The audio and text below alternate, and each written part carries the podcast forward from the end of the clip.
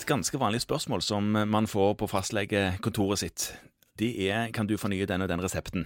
Ja. Ja, Og noen ganger når du får spørsmål om å fornye en viss resept litt vel ofte, så tenker jeg nei, jo, vi kan fornye den, men bestill òg en time, så vi kan snakke om hvorfor du trenger så mye av dette. Nå tenker jeg på astmamedisiner, ja. inhalatorer. Det var ikke Viagra, altså. Det var ikke Viagra. Da vil jeg egentlig heller bare få han inn for noen tips Ja. Fra han til meg. Ja. Men nå var det altså inhalatorer. Ja. og eh, fordi denne personen jeg tenker på nå, brukte sinnssykt mye av sånn anfallsmedisin gjennom døgnet. Det var en sånn en, ja. Ja. Det, det har jo vist seg å være ganske farlig, og det tror jeg kanskje norske fastleger eh, har eh, vært litt lite observante på. Hva er farlig? Å ta veldig mye anfallsmedisin. Det, har faktisk, det korrelerer veldig sterkt med død. Ja. Ja. I f.eks. England, som er et litt større land enn Norge, så, så har han sett på det. Og der ser han at disse pasientene som bruker veldig veldig mye anfallsmedisin, de dør ganske mye oftere. Jeg husker ikke helt hvor mye oftere, men signifikant oftere enn andre astmapasienter. Så ja, livet i seg sjøl korrelerer jo med én til én med død. Ja. Men det du tenker på nå, er at risikoen øker? Ja, Ja. betydelig. Og det er jo et uttrykk for at de har ikke-kontrollert sykdom. Ja, men han sier jo Han er jo kjempefornøyd, for den, med en gang han bare tar den sprayen, så blir han jo kjempemye bedre, og ting Da, da klarer han jo det han hadde tenkt. Ja, føler seg mye bedre med en Ja, gang. ja, ja. Ja, altså Det som ofte er problemet, og det har du sikkert erfart, det er jo at disse her pasientene de tar ikke det vi kaller for kontrollmedisinen sin. Og da er det sånn at nå har det jo, i hvert fall frem til nå, det har vært sånn at astma skal behandles med en kontrollermedisin i bånn. Nå er jo sånne flytskjemaer veldig lite podkastvennlige. Jo, men når du sier flyt og astma, da er det disse, Ja, behandlingstrappene. disse Gina-tingene? Ja, GINA, ja, som på en måte Ja, er Global Initiative on Asthma. Ja.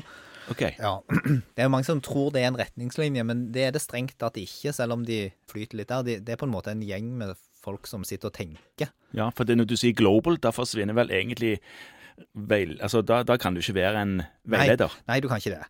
Sånn at, at, eh, men, men de har noen kloke råd, og de mener mye om dette. Og det de nå sier, er at fordi de har brydd seg litt om denne gruppen og tenkt mye på det det siste året, så sier de nå at det som er viktig, er at pasienter som har astma, alltid får i seg steroidene sine. Altså at det er veldig viktig at de får Ja. det inn. Så de har nå endra det til at det som før var steg én, som var et steg der man kun skulle ta hurtigvirkende bronkodilatator ved behov, Ja. så har de nå endra det til at man kan ta det, men da skal man alltid ta et puff med steroider i tillegg. Oh, ja.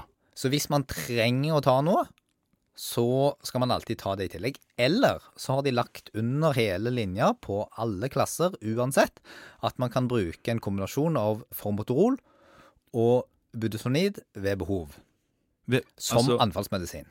Kombinasjonen som anfallsmedisin? Ja, kombinasjon av altså et inhalasjonssteroid og et langtids hurtigvirkende beta-2-agonist Ja. som anfallsmedisin. Fordi da sikrer man seg at de alltid får i seg litt steroid ja. når de trenger noe for pusten sin. Men dette står jo ikke i felleskatalogen. Nei, de gjør ikke det, for det, det står faktisk til og med på dette flotte flytskjemaet at dette er ikke godkjent indikasjon for.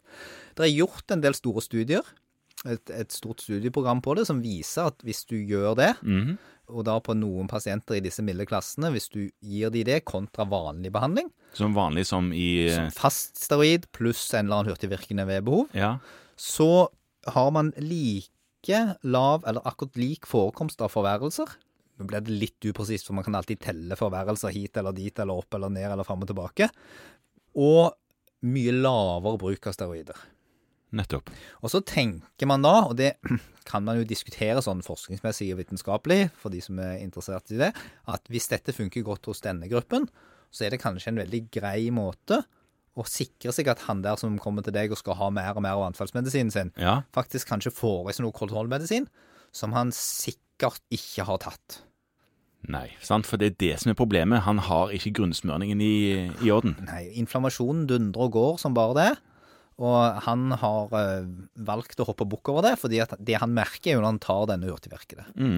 Og, og sånn er det jo litt Kanskje mange har drevet allerede, at de har, har skalta valta litt med det. Men det som er utfordringen vår da, som fastleger, er jo det at det en ikke er indisert Ja, i henhold til felleskatalogen. det er. Det er indisert i forhold til noen kloke hoder. Så det er en off-label-bruk, egentlig? Ja, en off-label-bruk, og det har vi snakket om før. ikke sant? Så det Ja. kan du gjøre.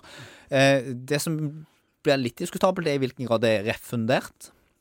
Ja, At du kan skrive det på blå resept? Ja, fordi i utgangspunktet er det jo vanskelig å skrive ting på blå resept. Ja, for når det er off-label. Ja, når det er off-label. Ja. ikke ellers. Det er et godt poeng. Men, men det som jeg tenker kanskje er enda viktigere her, det er at vi har en ganske svær gruppe pasienter som da allerede bruker en LABA-ICS-kombinasjon. En kombinasjon av et langtidsvirkende beta-2 og et steroid. Ja, Og de pasientene som bruker det fast, Den kombinasjonen. ja, Mm. de kan helt sikkert også bruke det ved behov. Ja. Fordi det, det, det er innenfor i forhold til regelverket å ha en intermitterende dosering på dette. Så bare ved å gjøre om den lille altså, Ta vekk den der anfallsmedisinen Ja. som de har ellers, og bare si at de skal bruke den samme. Og der er det faktisk noen av de som har indikasjon for dette i dag. Eh, Noen får Motorol eh, og noen andre kombinasjoner av inhalasjonssteroider og langtidsvirkende beta-2 som har godkjenning for også bruk ved behov. Ja. Så bare ved å gjøre den eh, omskrivingen der, ved at de seg den lille skvetten med steroider hver gang de tar behovsmedisinen sin, Ja, bare med det kan du redusere behovet for anfallsmedisin ganske betydelig. det kan du. Og det som jeg tenker er kjempeviktig nå, det er at vi passer på å følge opp disse pasientene. Altså Det har blitt enda viktigere, kanskje. For hvis du gir en pasient noe og sier at dette nå får godkjenning, da, det går det jo an å tro at det gjør, eh, så vil da pasienten kanskje være av den oppfatning at nå trenger jeg ikke gå på kontroll lenger, Ja. fordi jeg bare tar noe når jeg kjenner noe. Men hvis det er sånn at de tar mer enn to doser om dagen, så skal de i hvert fall stå på det fast. Jo, da blir du i I- prinsipp fast. Ja, altså hvis de i snitt gjør det. Ja. Uh, og du må følge opp at de har normal lungefunksjon, så du må huske på å ta spiro av disse pasientene. For en del av de kan jo være at de går og bare tar når de føler for det, og så går de egentlig og er litt underbehandla likevel. Jeg kan se for meg det. Ja, du har jo en annen som er veldig, veldig glad i å spille fotball Mhm. på PlayStation. Uh, og det stiller ikke helt de samme kravene til fysikk som å spille fotball uten PlayStation. Ja, det er sant. Og kanskje da kjenne at den astmaen min den kjennes helt OK ut.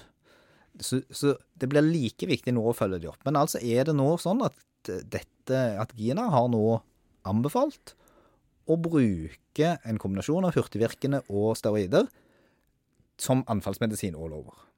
Og jeg tenker at det veldig viktige med det er at vi husker på at alle pasienter må få i seg steroidene sine. Ja, det høres ut som det er veldig vesentlig. Og så har vi nå fått en ny måte å gjøre det på. Ja, og så tar de inn til kontroll. Alltid kontroll. Ja.